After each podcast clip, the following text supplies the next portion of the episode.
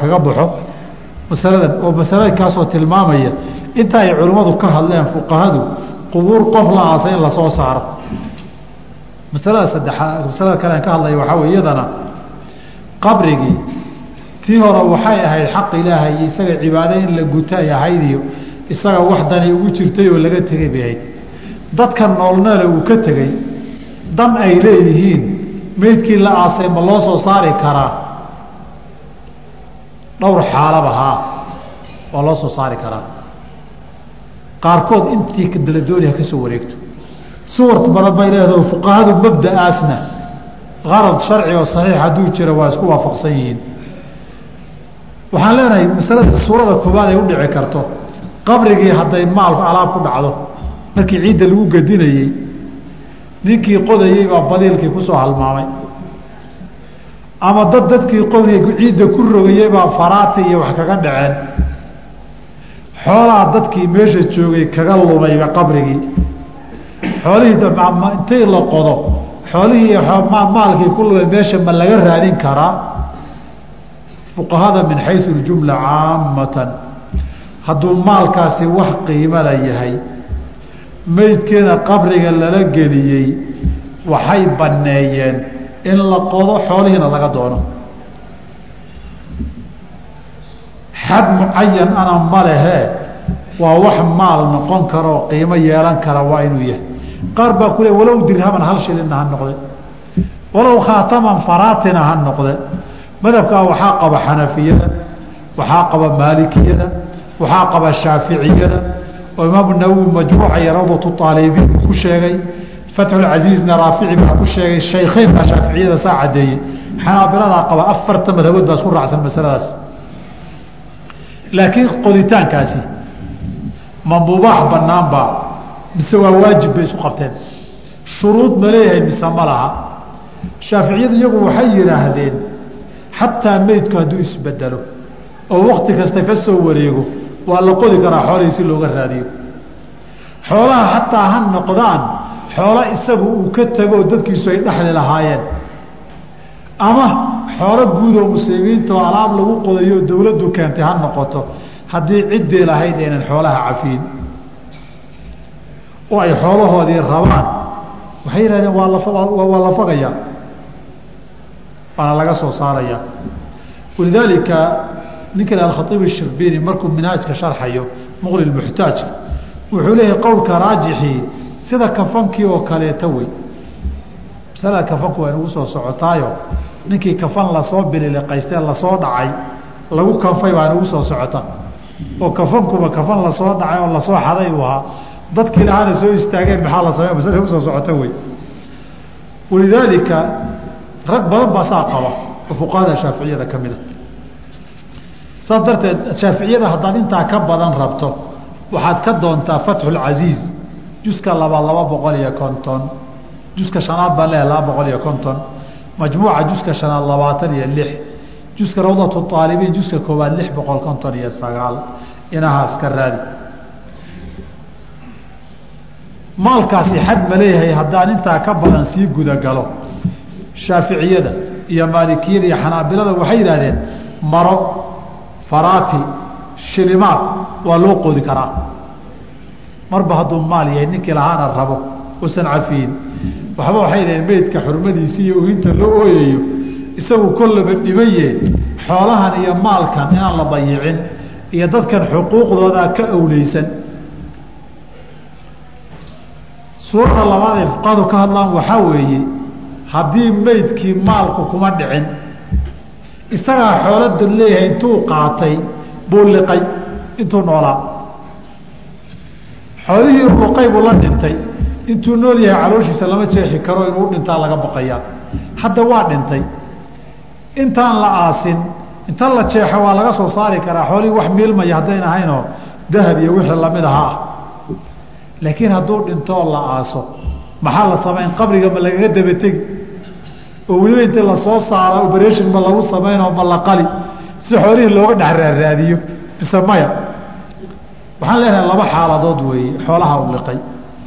Waxaa la isweydiinayaa xoolaha ma isagaa lahaa mise dad kalaa lahaa. Labadaasaa la isweydiinayaa. Xaaladda koowaadi xoolo dad leeyihiin buu liqay ninkii. Isagoo caloosha u jirtuuna la dhintay.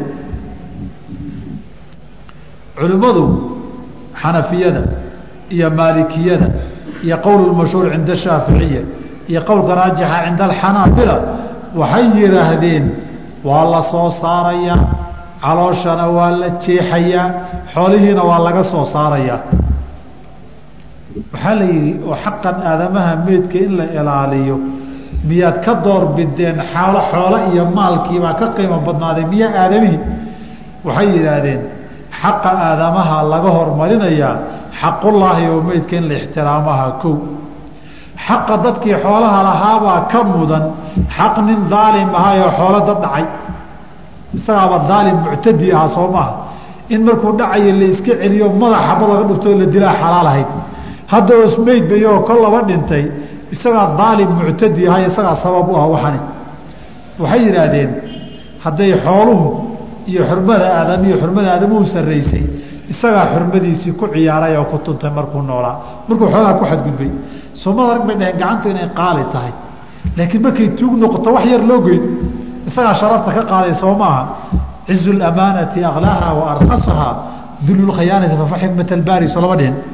Ninkan isagaa meesha isdhigay dhaheen ri welibana shirarka isdhisho dhigtaa lagu gowracaa halkaa isagaa isgeeye waxaa masaladaa la mid ogow isagu hadduu liqay ka hadlaysay haddii la liqsiiyena waa lamidu isagoo liqan haddii la liqsiiyeyna oo la mid xanaabilada iyo shaaficiyadu masaladaa waxay ku dareen shardi. Dhowr shardi bay dhaheen. Kow xoolaha ninkii lahaa waa inuu rabo oo yihahdo xoolahaygii baan rabaa. Laba waa inuusan isagu xoolo laga bixiyo ka tegin. Saddex waa in haddii labadaa ayna jirin cid cid muslinahoo ku tabarucda oo xoolihii ninka anaa ku siin tiraahda waa in la waayo.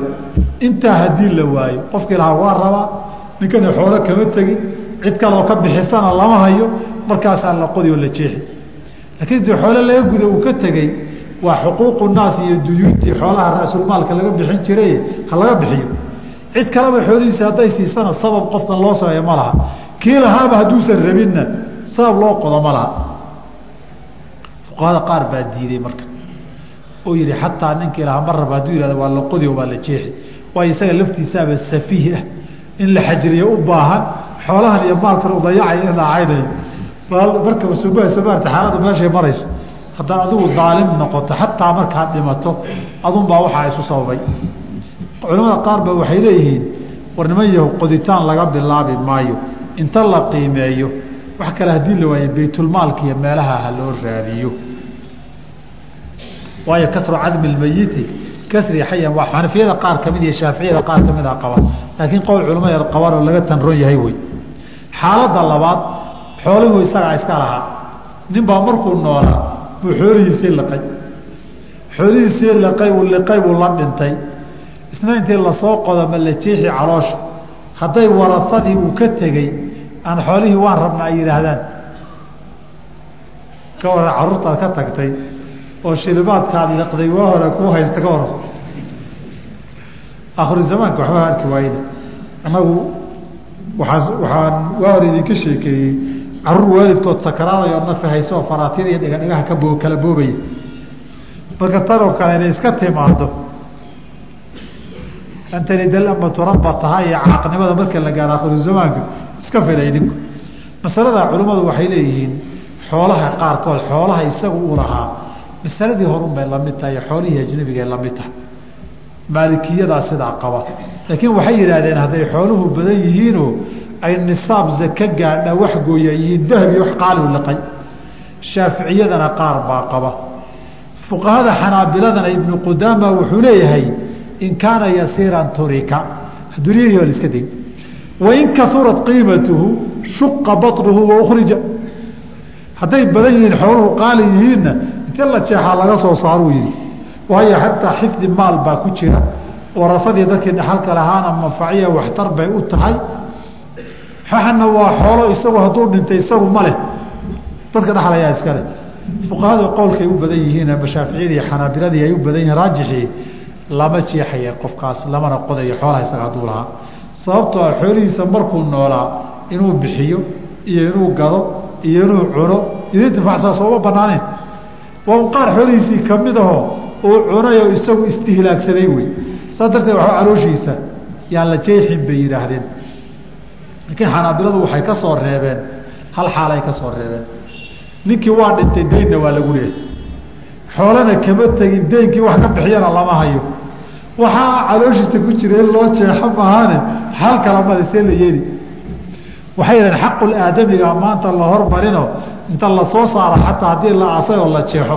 Oo waxaan laga soo saaraa deymaha lagaga bixin. Isna saasay dan ugu jirtaa bay yihahdeen fuqaha xanaabiladu marka xoolaha deynta iyo xaqa aadamaha adeegiisa innagana reero dhan baa guryahoodii iyo beerahoodii iyo dadkoodii iyo xoolahoodii noolaa iyo la iska boobi. Allah mustaan xaqa aadamuhu. Ilaa meydkii baa laga daba tago caloosha la soo jeexayaa. Xoolihuu liqay. Suurada saddexaad ee masaa'ilkaa soo hoosgala waxaa ka mid a kafan la soo dhacay haddii lagu kanfay ama la soo xaday. Kafankiina dadkii lahaa intay yimaadaan xoolaha iyagii baan rabnaa dhahaan. Maxaa la samayn isagana fuqahadu laba qowl bay leeyihiin. Waxay dhaheen waa la qodi. Kafankiina waa la celin. Haddii uu ninkii dalbado wax kaloo lagu loogu gudana la waayo. Waana qowlka xanafiyada maalikiyada wاصaxiixu cinda ashaaficiyati wey. Waana qowlka ay aimad badan oo fuqahada doorteen shaaficiyado sida baqawi raafici mutawali hazaalin uu tasiixinayo wey sida rawdatu aalibiin iyo fatxulcasiiz labadaba ay ku sheegeen. Madabka xanaabilada qowl ana saa way qabaan. Maalikiyada iyo qeyb shaaficiyada ka mid a iyagu waxay doorteen oo alqaadi abuayib iyo ibnu sabaaq iyo cabdari iyo abu xaamid iyo rag kamida ay iyagu doorteen saddex shardi lagu xiro arrintan. Kow ninkii xoolaha lahaa inuu qiimahoodii inuu qaato diido. Uu yidhahdo xoolahaygii lafahoodii baan rabaa wax kale ma rabo. Kow meydku inuusan isbedelin waayo meydka hadduu isbedelo kafan iyo wixii la mid ahaa dhacaankiibaaba diliba markaa qiimihiisii qaada la leeyahay. Saddex inaan wakti dheeroo kafankiiba googo-oo baabao ayna ka soo wareegin. Haddii kafankiiba baaba-ay wax loo qoda ma yaalo hadduu meydkii isbedelayna maalnimadiisii way dhimatay saddexdaa shardi bay fuqahada qaarkood ay shardiyeen. Qowlka labaadna waa xanaabilada qowlka raajixa agtooda aho waxay yidhaahdeen la qodi maayo in la waaya wax bixiyo oo tarikadiisii iyo dadkii dhexlayay iyo muslimiinta kale maahane in la qodo ma banaano suurada afraad ay fuqahadu ka hadleen waxaa weeye ninkan waxaa lagu aasay dhul la dhacay baa lagu aasay oosan lahayn. Beer dad leeyahay iyo xoolo dad kale leeyihiin baa lagu dhex aasay. Waxaa ka mida dhulkaa lagu aasay oo xukunkeedoo kale qaadanaya dhul uu isagu lahaa baa lagu aasay. Marka lagu aasay isagu ma leh waayo qofku markuu meyd noqtee dhinto xoolihii milkigoodii waa ka wareego dhulku ka mid yahay. Marka la aasaya haddaba dhulka isagu ma leh isaga milkigiisa waa ka baxay. Fii milki lgayri baa lagu aasay. Dadkii kayrkaa ee dhulka lahaana waxay culimmadu isku raacsan yihiin laba khiyaar baa u furan. Waxaa fiican si imaamu shaafici uu ku leeyahay fi lum inaan la qodino qofkii uu iska daayo ilaa meydkan wakti dheer ka soo wareegayo ka baaba-ayo markaa kadib ama uu iska qodo ama intuu simo dhulkiisa ku intifaaco. Saasaa fiican. Laakiin hadduu ku adkaysto biitifaaqi fuqahaai waa laga saari meesha. Warde meydka maxaa loo qodi? Ilaahu muu weli ahaado ilaahu muu madax ahaado. Dhulkan milkiga khaaska ee lagu aasay hadday dadkii lahaa yidhaahdaan ana dhulka yagaan u baahannahay. Hadduu wakti ka soo wareegana korkiisa ay dhisan karaan. Haddii iyagu ku adkaystaan ama uu cusub yahayna way iska saari karaanoo meelaha qubuurta maxaa loo geyn waaya marka horeba qubuuraha muslimiinta. Madhabkaa sidaasi qowlka raajixa in khiyaarka uu xaq u leeyahay qofku waa afarta madhabood baa isku raacsan afarta madhabood baa isku raacay masaladaana. Marka masaladu halka waxaa ka dareemi kartaan culimmada muslimiintu meydkii iyo qubuurtii in la soo qodo si aada u badan bay uga hadleen. Waxaa ka mid a xaaladaha dadkii qaraabadiisa ahaa iyo xigtadiisii. Haddii ay meeshii iyo sidii loo aasay waxoogay laabtoodu ku degi weydo meydkii ma la saari karaa haa intay ka saaraan meydkii meeshii meel kale way geyn karaan oo qabri kale way u qodi karaan. Waxaana u daliila imaamu lbukhaari iyo muslim. Baa min xadiidi jaabir ibni cabdilaahi laba qiso ka wariyey. Qisada koobaadi xilligii nabiga calayhi salaatu wasalaam baa waxaa geeriyooday kabiiru lmunaafiqiin cabdullaahi bni ubay bni saluul baa dhintay. Laakiin wiil fiican oo isna baari u ahaa. Dadka qaaliga ee muslimiinta iyo saxaabadana ka mid ahaa buu dhalay wiilkii baa nabiga u yimi calayh salatu wasalaam. Markii ay qabrigay duqii geeyeen ee qabrigii la qoday.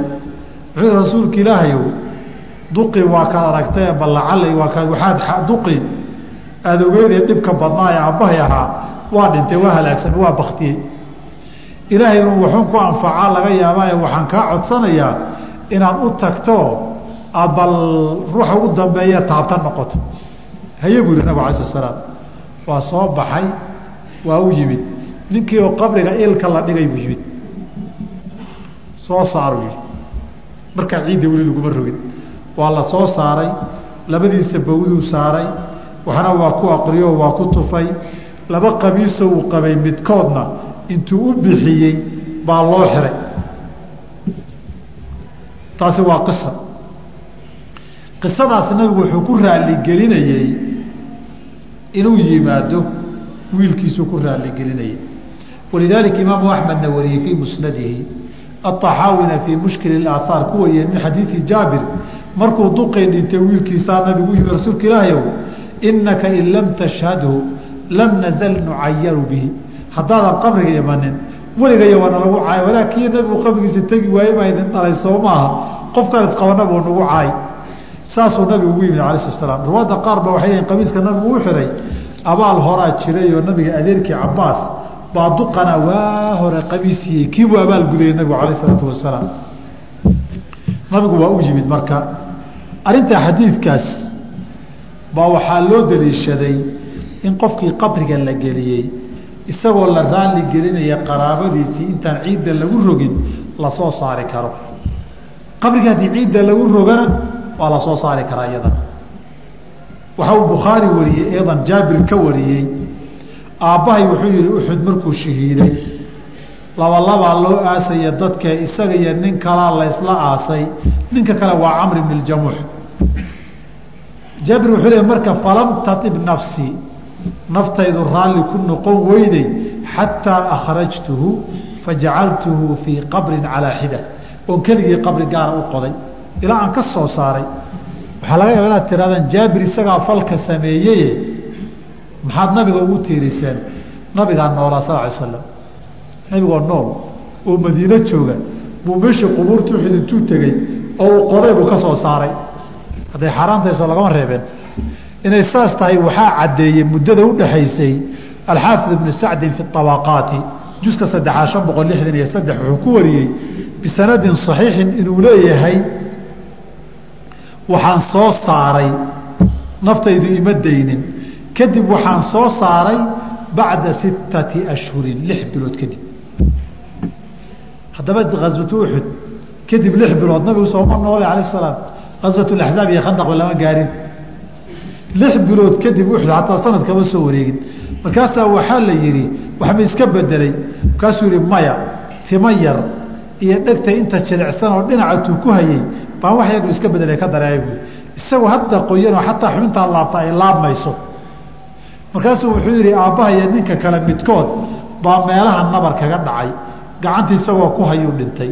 Gacantii baan ka qaadnay dhiig baa soo fakaday. Markaasaan gacantii ku celinoo dhiigu istaagay.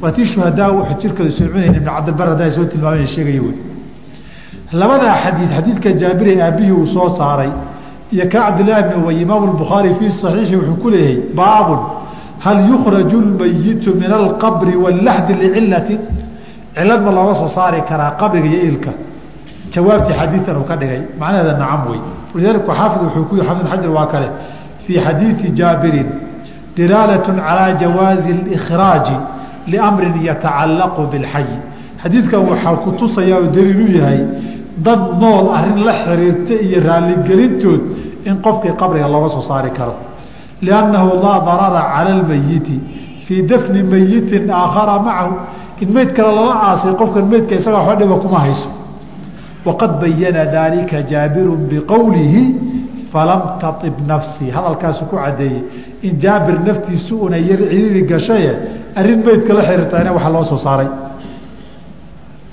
kadib wuxuu yihi imaam bukhaari marka uu leeyay hal yukhraju lmayitu min alqabri walaxdi licilatin wuxuu radinayaa dadka arrintaa diiday sabab.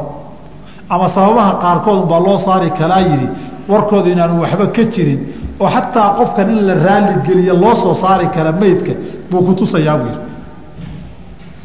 Sidaasoo kale waxaa le cayni fii cumdati alqaari. Waxaa sidoo kaleetada shamsxaq alcadiim abadi kitaabkiisa cawn lmacbuud waxaa sidoo kale le imaamu lbagawi fii sharxi sunnati. Intaba hadalka uu yihi ninka la yihaahdo xaafid ibn xajar oo kaleetay qabaan qaarkoodna isaga waa ka horeeyey qaarna caynina la wakti buu ahaa.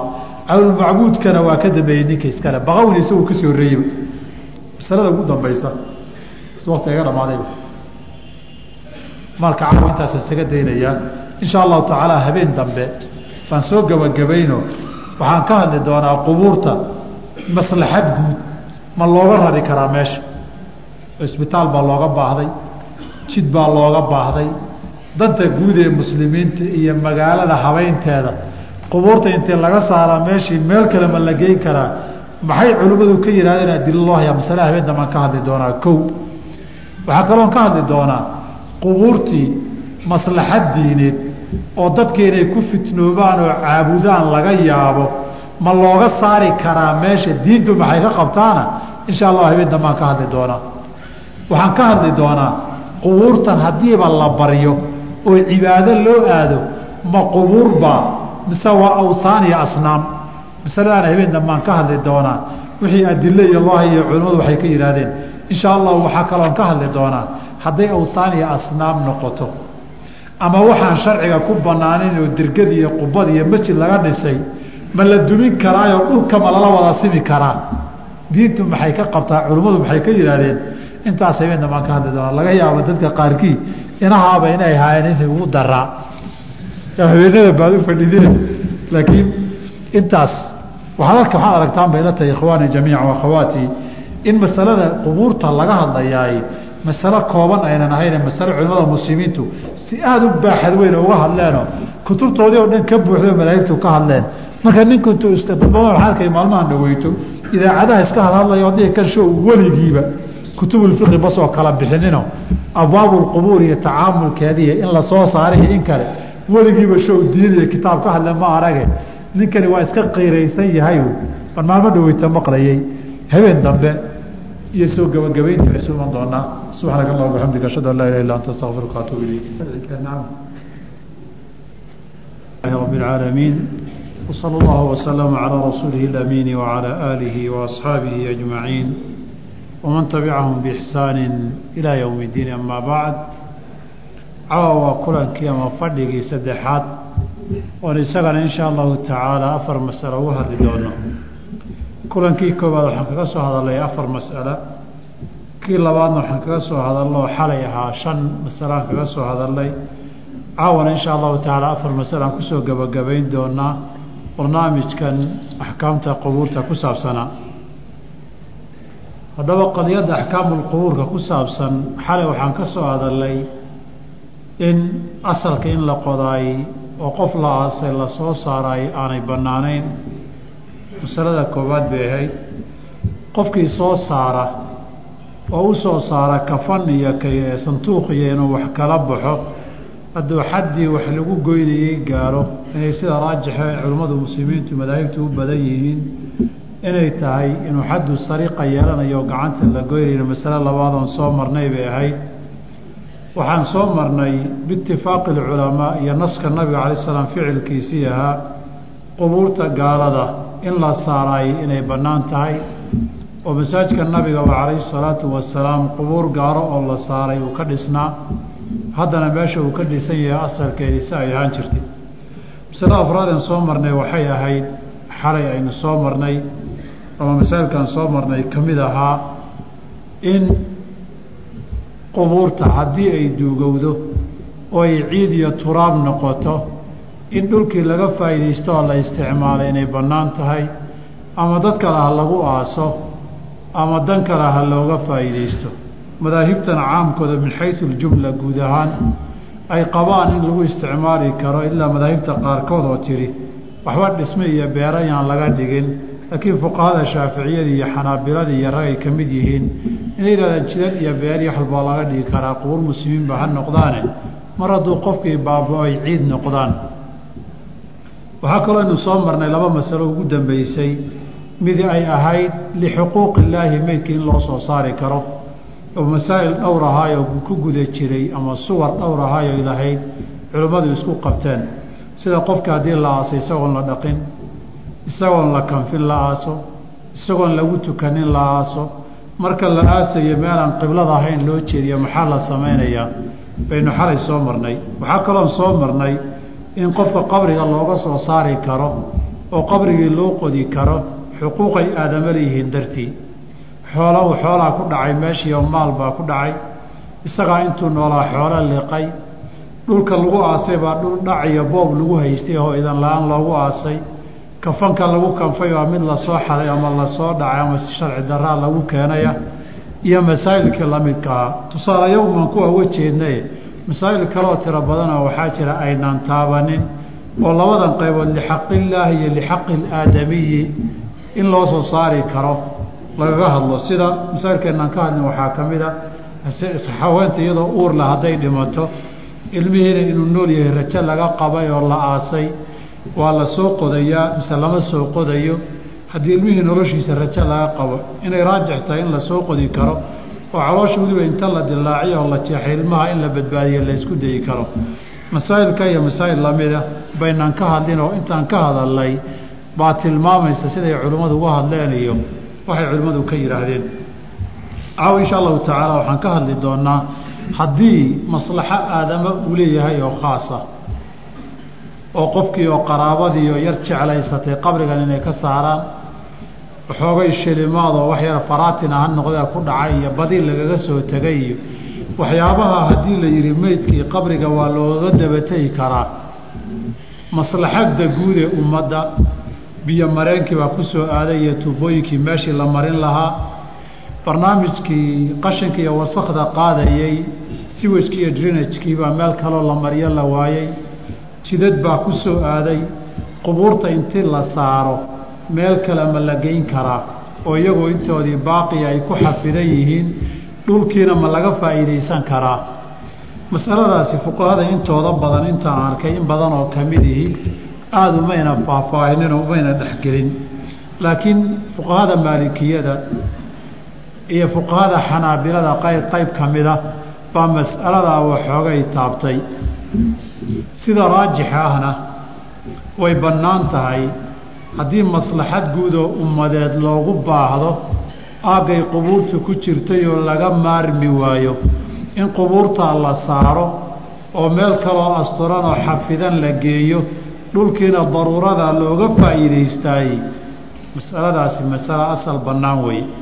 Waxaa loo daliishadaa laba arrimood. Marka koowaad waxaa la yidhahdaa qiyaasu alawlaa haddii maslaxad shaksi leeyahay oo qaraabadii meydku ka dhintay meeshan waxoogay ay naftoodu ku degi weyday iyagoo la raalli gelinaya ay sharcan bannaanaatay. Inta laga soo saaro meel kale in la geeyo. Oon soo marray jaabir radi allahu canhu aabbihii in nabigoo nool intuu ka daba tegay lix bilood kadib markii la aasay shuhadaa uxud uu soo saaray oo meel kale geeyey. Sababtana uu sheego uu yidhi falam tatib nafsii naftaydu way ku raalli noqon weyday aabbahay oo qof kale qabri kula jira.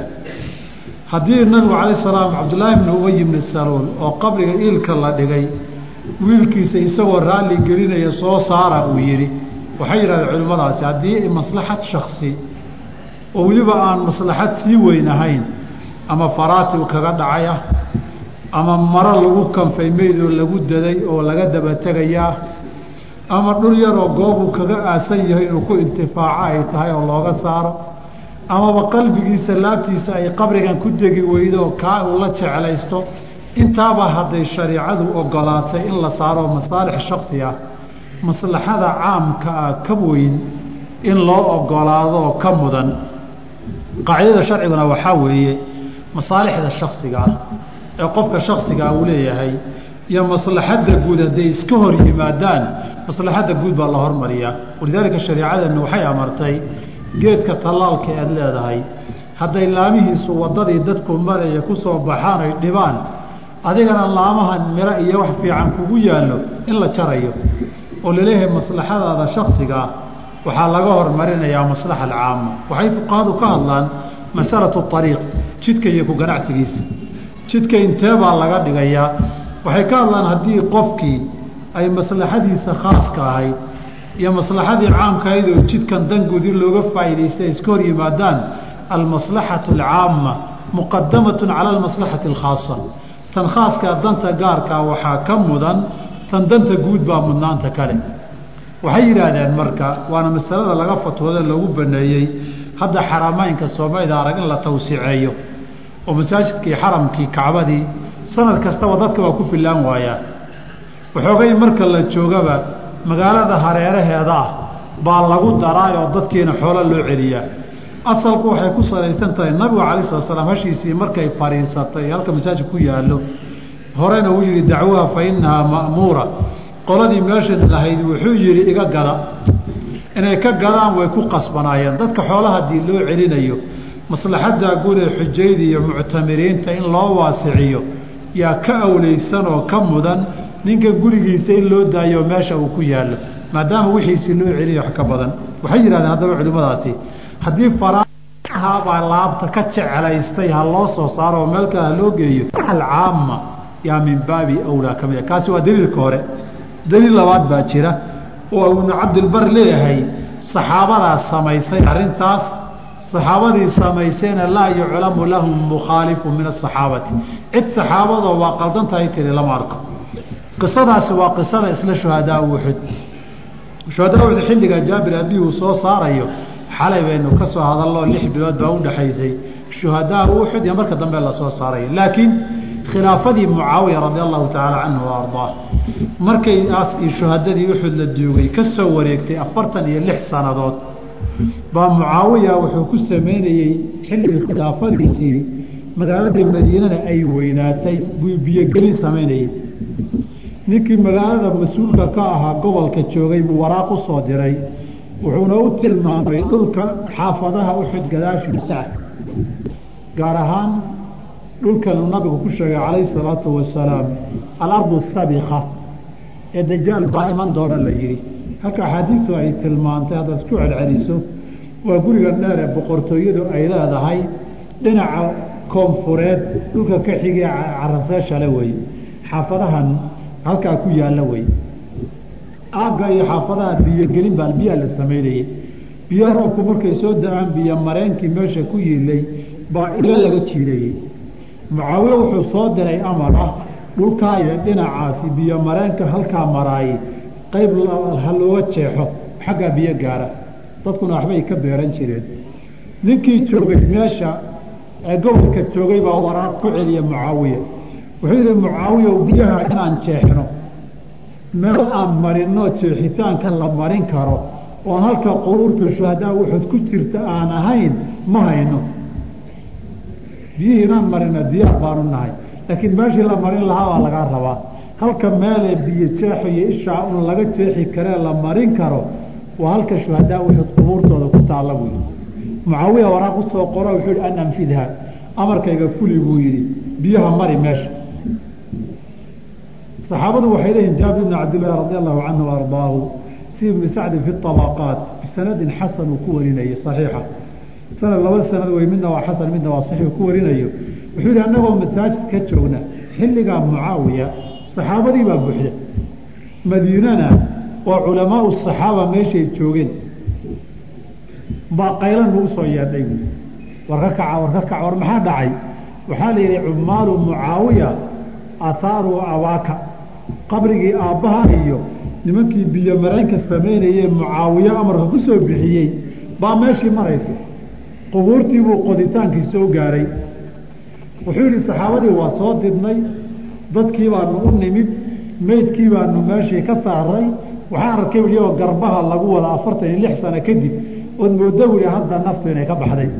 Oo gacantiisa haddaad laabto ay laabmi oo meel maradood kafankoodii wax googo-ay ma leh jirkoodii wax isbedelay ma leh. Waxaa la yidhi qoditaankii la qodayey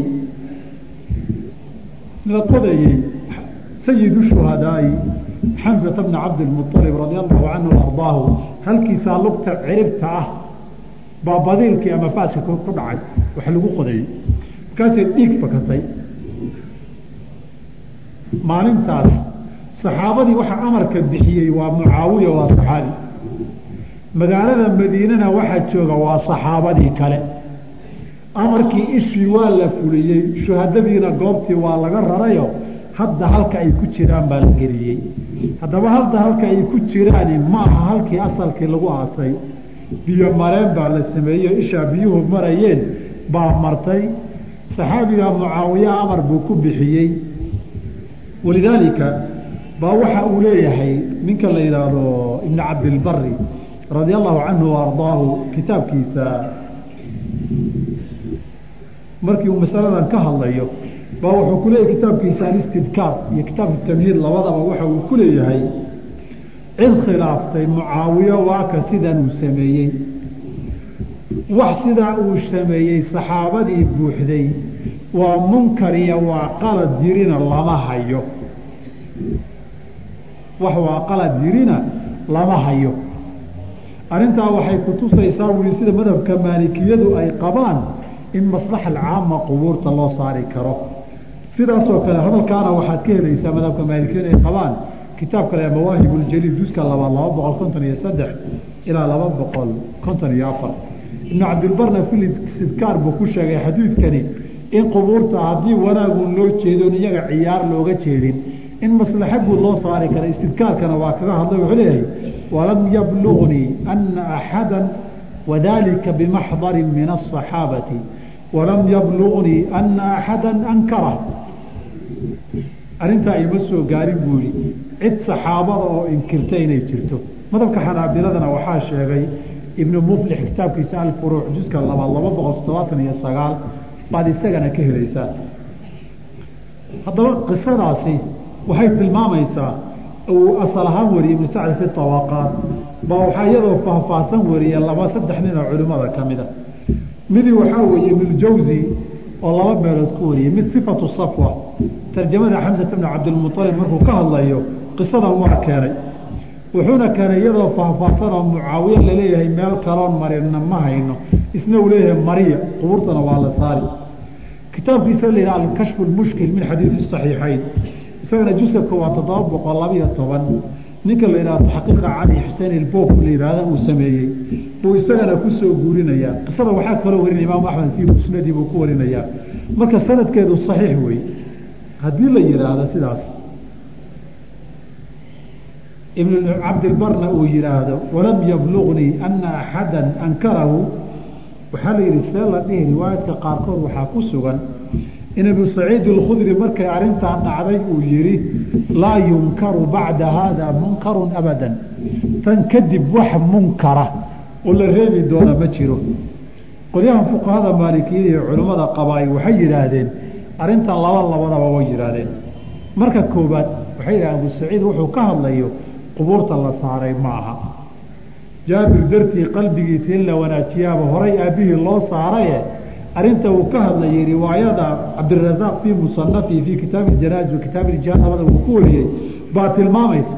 Oo wuxuu leeyay faasaabat ilmisxaatu rijla rajuli minhum fanfatara dama nin raggii kamida bay ciribta kaga dhacday lugta kaga dhacday markaasuu dhiig burqaday. Bashaax lagu qodaye qofka shuhadadii ka mid ahaa ku dhacday taasoo abu saciid ka hadlayay qaar yihahdeen markaasuu wuxuu yihi laa yunkaru qaarkood laa unkiru bacda haada munkaran abadan. Tan kadib munkaraan diidi mala dadkii shuhadada ahaa inuu nabar ku dhaco oon laga ixtiyaatin buu ka wadaa bay yidhahdeen waxaana kutusayay leeyihiin intaa jiilkii saxaabada ee meesha joogay. Cid arintii waa qalad tiri oo kaloo laga soo guriyey ma laha. Riwaayaadka lagu wariyey qisadana. Riwaayaadka in nabarkaa dhacay sheegaya baa hadalka abuu saciid ku daray. Riwaayaadka aan qisada nabarka dhacay soo guurin hadalka abu saciid mayna sheegin. Taa waxaa laga gartay baa rawaadu inay u wariyeen hadalkaasuu diidanaa haddaan ka soo qaadno sida kaleo abu saciid inuu diiday aan ka soo qaadno. Abu saciidna waa saxaabi mucaawiyana waa saxaabi. Waa laba saxaabi oo isu khilaafay. Masaladu marka waxay noqon khilaafiya oo mashhuura. Camalkaa mucaawiye abu saciid mooyeen cid kaleoo inkirtay ma laha. Saxaabadii aamustay marka. Ma abu saciid warkiisay qabeen hadday qabeen maxay u hadli waayeen? Mise warka mucaawiyenen dhibba u arkaynina uu sameeyey? Waxay leeyihiin saasaan u badinaynaa waayo hadduu munkar weyno uu sameeye u yahay qaylaa cofka lagu dhufan lahaa saxaabadu qaylay la wareegi lahayeenu war ka daaya war ka daaya war ka daayaa yeeli lahayd. Hal ninun baa hadlay jamhuuru saxaaba saaqab halkaasay qoladaasi ka wareegeen. Calaa kulli xaal waa masala khilaafiya. Culimmada fuqahada inta ka hadashay ee qayb xanaabilada iyo maalikiyaduna saa ay leeyihiin kollaba saxaabadu qayb ka midana ay sameeyeen. Ninkii sameeye saxaabadaa ku daydana ee danta khaaskaa taweyn baaba ka sii mudan yidhaahda waana ficil iyo falay siyaasa sharciya saxaabadu nooga horeeyeen wax lagu inkiro badan ma laha. Masaladan intaasaan kaga gudbi.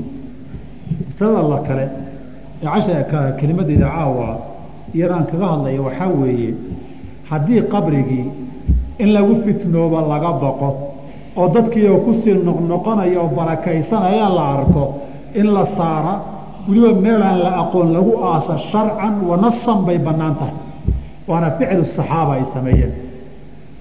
Masalada u fiirsada. Qabrigii in lagu fitnoobo oo dadku diin ahaan ugu fitnooban haddii laga baqo oo la tawaafo oo la baryo oo la isku xoqo oo ciid laga qaato inta la saaro meelaan la aqoonin lagu aaso waa ijmaacu saxaaba. Saxaabadii nabigaa ku ijmaacay masaladaas. Masale muran geli kartana maba ahaba. Sababtoo waxaa asal u ah haddii maslaxad shaksi qabri loo saaray oo shilin iyo faraati ah wax diintii iyo caqiidadii dadka ay u fasaadayso arrintaasan baa awlaa maxaa u daliila waxaan u daliishanaynaa intaa kadib laba daliil baan haynaa. Aqwaasha culimmada imaamu shaafici ka mid yahan aan kuusoo guurin doonaa. Haddii ay tahay dhismana waa in la dumiyaa oo qubaday tahay uu masaajid yahay ay dirga tahay ay dayr tahay ay guri tahay horta waa in la xaaqoo dhulka lala simaa ko haddii qabri iyo uu yahayna sidii saxaabadu sameeyeen inta la saaro meel lagu aasayba in la garan waayo wey laakiin in lagu ciyaara ma ahane waa meel qarsoonoo ixtiraamkiisii mudan in la geeyo. Dadkana diintooda in la badbaadiyo. Ibnu isaaq wuxuu ku wariyey fi lmaqaazi daliilka koobaad. Daliilka koobaad waxaa weeye qabru nabiyi daniyaal calayhi asalaam ambiyaa bani israaiil waxaa ka mid ah nabi la dhihi jiray daniyaal xilligii dagaalada ay socdeen ee ninkii mukhtunasar ah reer bani israaiil uu baabiiyeyna dad uu qafaashay buu ku jira oo maxaabiis ahaan uu kaxaystay jasiiratulcarab intuu ka kaxeeyey buu ardu khuraasaan geeyeyoo dhulka afghanistaan eriyadeedii uu geeyey weliba wuxuu geeyey magaalada la yidhaha tastur la yidhahduu geeyey halkaa markii uu geeyey bay saxaabadu waagay tastur furteen bay meydkiisii oo sariir saaran bay ugu tageen. Maxay sameeyeen marka? Meydkaa markay u tagayeen isagoo lagu roob doono oo la dhundhunkado oo la barakaystay ugu tageen meesha. Qisada ibnu isxaaq baa warinaya fi siyar fi lmagaazi bisanadin xasan buu ku warinaya wuxuu leeyahay ninka la yidhaahdo abulcaaliya radi allah raximah llahu tacaala ba wuxuu lamaa fataxnaa tastur markaanu furannay. Waxaa hogaaminaya dadka abuu muusa alashcari khilaafada muslimiintana waxaa haya cumar ibn khaaab radi allahu canhu ardaa abuu muusa alashcari waa ninkii yaman madaxda uga dhigay. Cumarna ilaahay wuxuu xaqa sharay calaa lisaani cumara wa qalbii ninkuu yihi wey ee shaydaanku jid markuu soo maray intuu ka leexay jid kala qaadi jiray. Wa afdalu hadihi lummati bacda nabiyiha wa abi bakrin radia allahu canhu ardaah. Wuxuu yihi lamaa fataxnaa tastur wajadnaa fii beyti maali hurmusaan ninkii meesha haystay baytulmaalkiisa wax ku kaytada waxaan ka helnay sariiran calayhi rajulun mayitun. Sariiruu nin meyda saaran yahay. Cinda ra'sihi musxafun lah.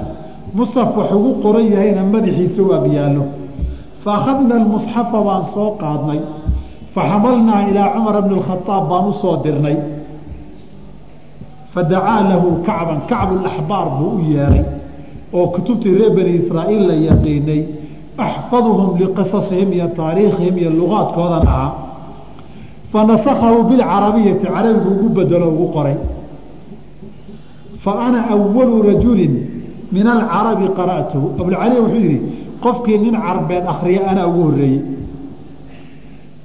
qara'tuhu mila maa aqra'u qur'aan saan qur'aanka u akriyaan u akriyey qur'aankan faqultu liabilcaaliya ninkii ka warinaya abikhalid bni dinaar la yihahda wuxuu yihi abulcaliya waxaan ku yidhi maa kaana fiihi maxaa kitaab qoraa faqaala siiratukum wa umuurukum wa luxuunu kalaamikum siiradiinna iyo arrimihiinni iyo luqadaad ku hadlaysaan buu sii sheegay oo ku sii qoray wamaa huwa kaa'inun bacdi iyo isaga gadaashi waxa dhici doona. Wuxuu yihi qultu waxaan ihi famaa sanactum birajuli ninkii maxaad ku samayseen? Ninkii maxaad ku samayseen? Meydka ahaa ee musxafku ag yiilay ee sariirta saaraa maxaad ku samayseen? Markaasuu wuxuu yidhi xafarnaa binahaari alaaata cashara qabran. Maalinnimadii baan saddex iyo toban qabri qodnay mutafariqatan kala tagsanoo midba meel ku yaallo. Falamaa kaana leylu habeenkii markuu gaadhay qoraxdu dhacdee madoobaaday. Dafannaahu waan ku aasnay mid ka mida. Wasawayna alqubuura kullahaa qubuurtii oo dhanna waan duugnay litacmiyatihi cala annaasi laa yambushuuna annagoo dadka ka qarinaya si aan loo soo fagin. Si aan dadka loo soo fagin maalinnimadii saddex iyo toban god baan qodnay habeennimaan mid kamida ku aasnay saddex iyo tobankiina waan waan duugnay. Maxaad saa u samayseen dadkaan ka qarinayno ka dhuminaynay si u soo qodanin. Ninkan waa yaabayo wuxuu yihi qultu wamaa yarjuuna min oo maxay ka rabaan u soo qodanayaan? Qaala wuxuu yihi kaanat isamaau waxay ahayd cirku idaa xubisat calayhim haddii roobku ka xabismoo ka daaho barazuu bisariirihi fa yumtaruuna sariirtanee banaanka qoraxda keeni jiray markaasuu roobku udui jiray sariirtan oo ku roob dooni jireenoo waa barakaysan jireen annagana arrintii si meel loo raaraacaba loo waayo. Baa meelo badan intaan qodnay maalintii baan habeenkii midaan loogeyn ku aasnay sababtoo waa lagu waraabin jiraydu waxay ka baqayaan baabu shirki aakhirka inay gaarsiiso. Masaladana dib baan uga hadli doonaa qultu waxaan ihi min kam tadunuuna arajul imisaad qiyaasaysaan ka hor ninkan inuu dhintay. Man kuntum tadunuuna arajul ninkan yuu ahaabaad u malaynaysaan. Qaala rajulun yuqaalu lahu danyaal nin danyaal la yidhahduu ahaa. Waxaan idhi bu ihi haddana mundu kam wajadtumuuhu maata imise ka hor buu dhintay. Mundu alaai miat sana saddex boqoloo sana iska dheh bui ka hor buu dhintay waxaan idhi buui maa kaana tagayara bishay waxba iskama bedelin miyaa wuxuu yihi buui laa maya. Ilaa shucayraatun min qafaahu. Dhowr timoodoo qadaadka kaga yaalla xagga dambe baa isbedelay ina luxuuma alambiyaai laa tubliiha alardu walaa taakuluha sibaac wabulcali hilbaha ambiyada jirkoodu dhulna ma cuno dugaagna ma cuno. Saa darteed daaniyaanna nabi buu ahaa haddaba waa waa nabi jirkii calayhi salaam qoladani meesha waxay u dhigteen way barakaysan jireen. Goortay saxaabadu tageenna way qariyeen qabrigiisii haddaba hadday dhacdo nin in lagu fitnoobay in laga baqayo sidaasoo kalea la yeeli karaa. Riwaayadku waxay sheegayaan amarkaa qubuurta in la qodo waxaa bixiyey cumar baa bixiyey radi allahu canhu arda riwaayadka mufasalkaa waxay lehin abuu muusa ashcari waraaqu soo diray wuxuu yihi kitaabkii wakaa ninkana maxaan ku samaynaa markaasuu wuxuu yihi maalintii dhowr iyo toban qabri qod qaraxdu goortay dhacdana midaan la garanaynin kuwaas dhammaanna ciidda ku wada kadib meel loo doonaba hala waaye. Saasuu cumar sameeyey radia allahu canhu wa si caqiidadii dadkii aanay ugu fitnoobin oo isagu inuu roobka hayo aanay u moodin oo inaan isaga meydkiisi iyo jusadiisa iyo qabrigiisa baraka ugu raadsanin buu cumar sidaa yidhi abuu muusena fuliyey saxaabaduna warkaa agtooda mashhuur noqday fa kaana ijmaacan. Se la isku raacsan yahay buu ahaa. Ninkii yidhaahda saa in la yeela waa qalad. Ee orad cumar ibn khataab iyo saxaabadii baa ku jimaceen la muran dheh. Adimaa diinta ka yaqaana misiyaa kaa yaqaana. Nin kasta qabrigiisii meel lagu aasay la waayey ma nabigii daaniyaal ahaa buu ka fadli badan yahi oo ka qiimo badan yahay. Haddii nabigii in lagu fitnooba laga yaabay saa loo yeelay maxaad u malaynaysaa wanaad hindhikooblaho aniga adoo kalea min baabi awlaa wey daliilka labaad. Waa qisadii shajaradii geedii baycatu ridwaan ka dhacday. Baycatu ridwaan nabiga calayh salatu salaam kun iyo afar boqol iyo waxooga ilaa kun iyo shan boqol baa baycatu ridwaan la galay. Markii la yidhi cuhmaan waa la dilay waa caamulxudaybiya caamulxudaybiya hadda waxaa laga yaabaa dhulka inaad kala garanaysaan ardulxaram halka laga galay qurayshi ku hor istaagtay. Halkii lagu hor istaagay hadda waa kontaroolka shumays la yidhaahdo wey. Markaad jiddo ka tagtaan ead maka u socotaan halka xujayda lagu baara soomay arag halkaasaa shumays la yidhaahdo waa halkii nabiga iyo saxaabada lagu hor istaagay caamulxudaybiya wadahadalkii waa kii cusmaan diray waa kii war aan runahayn la soo tabiye layihi cusmaan nimankii reer makaa way dileen nabigu waa kii yihi bayco ila gala. Inay baycada qaar dhimashay kula galeen qaar jihaad bay kula galeen. Baycatu ridwaan baa la yihi laqad radia allaahu can ilmu'miniina id yubaayicuunaka taxta ashajarati geeddii hoosteeda baycada ay ka dhacday intii meesha joogto dhan baycay galeen ilaa hal nin oo munaafiq ahaa oo awr cas ku hoos gabado judubna qays la dhihi jiray maahan. Oo nin baa soo galay warbalaaya ku dhacday baycaa la gelayaayo khayraad baa labaa la raadsanayaaye maxaa ku dhigay meesha? War hashayda iga luntaa iga khayroon dhaaf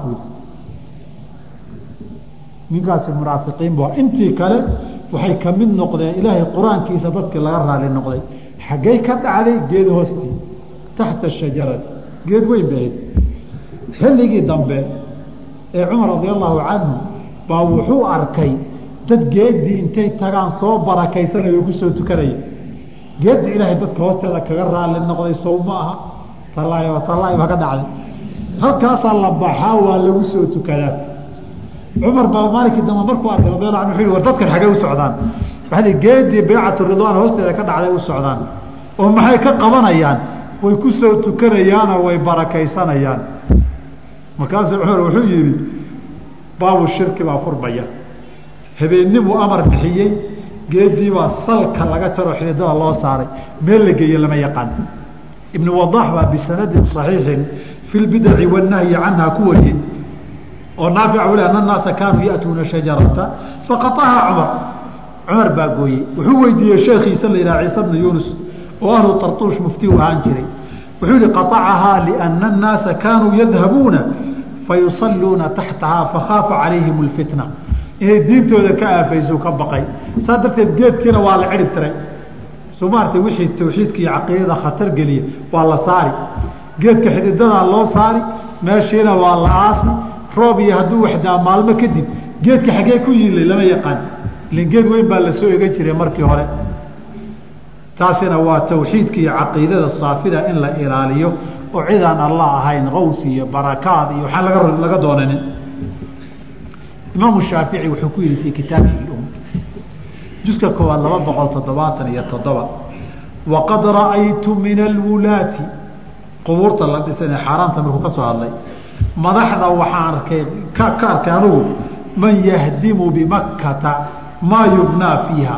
Waxa qubuurta laga dhiso madaxdii reer makaanuu waxaan arki jiray iyagoo duminaya falam ara alfuqahaaa yaciibuuna dalik fuqahadii muslimiintana arrintaa ma fiicna waxa leh weligay ma arag buuri qof baa iman qabribu waxoogay ka dhisi madaxdu way soo diri way duman fuqahada iyo culimadana waa ku faraxsan yihiin.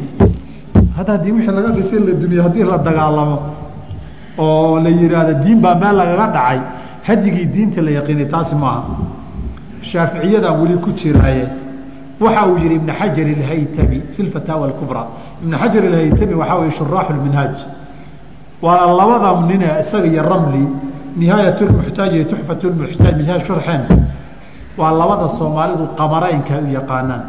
Mansilada ka horeysa waa shaykheyn oo nawowi iyo raaficiya iyaga waxa ka dambeeya raggaan laga daba hadlinna waa ramli shahawdiin ramli nihaayat lmuxtaaj iskale iyo ibn xajar ilhaytami oo tuxfat muxtaaj iskale waxaa la weydiiyey qubuurta sidan u dhisan ee ka waran qubuurtan maxaan ka samaynaa qubadaha laga dhisay wuxuu alman juska labaad laba todo saxada toddobiyo tobnaad.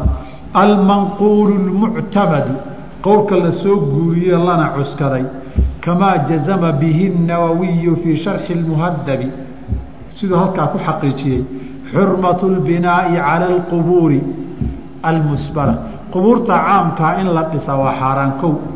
Fain buniya fiiha haddiise la dhiso hudima waa la jebin.